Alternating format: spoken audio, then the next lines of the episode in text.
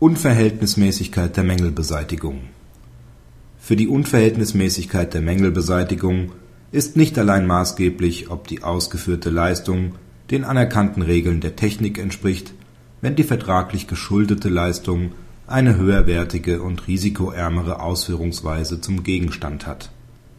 Im Rahmen von Trockenbauarbeiten werden im Leistungsverzeichnis beidseitig doppelt beplankte und imprägnierte Gipskartonplatten vorgesehen. Ausgeführt wird jedoch die Trennwand mit einer imprägnierten und einer unimprägnierten Gipskartonplatte. Der Auftraggeber begehrt Mängelbeseitigung. Diese lehnt der Auftragnehmer unter Berufung auf die Unverhältnismäßigkeit der Nacherfüllung zu Unrecht ab.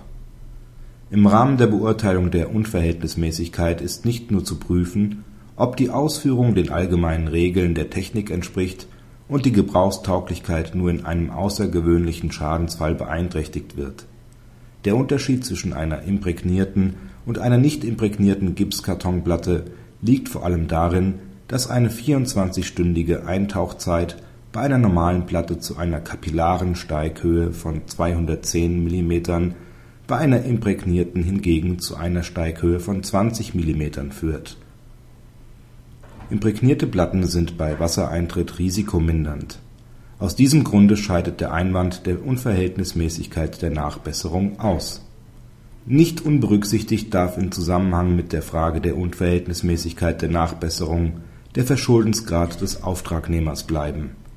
Hier fällt auf, dass er immer die innere Wandseite mit nicht imprägnierten Platten, die äußere jedoch mit imprägnierten Platten herstellt.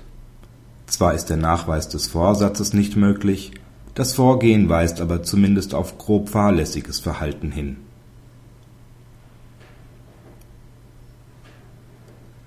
Praxishinweis Bewertet man die Rechtsprechung des BGH zur Unverhältnismäßigkeit der Nachbesserung praxisnah, so reduziert sich der Einwand der Unverhältnismäßigkeit auf wenige Fälle. Der bloße Vergleich der Kosten für die Beseitigung eines Werkmangels mit der Vergütung genügt nicht. Vielmehr muss hinsichtlich des finanziellen Vergleichs hinzukommen, dass einem objektiv geringen Interesse des Auftraggebers an einer mängelfreien Vertragsleistung bei Abwägung aller Umstände ein ganz erheblicher und deshalb vergleichsweise unangemessener Aufwand gegenübersteht. Der Einwand der Unverhältnismäßigkeit reduziert sich daher auf Schönheitsmängel oder optische Mängel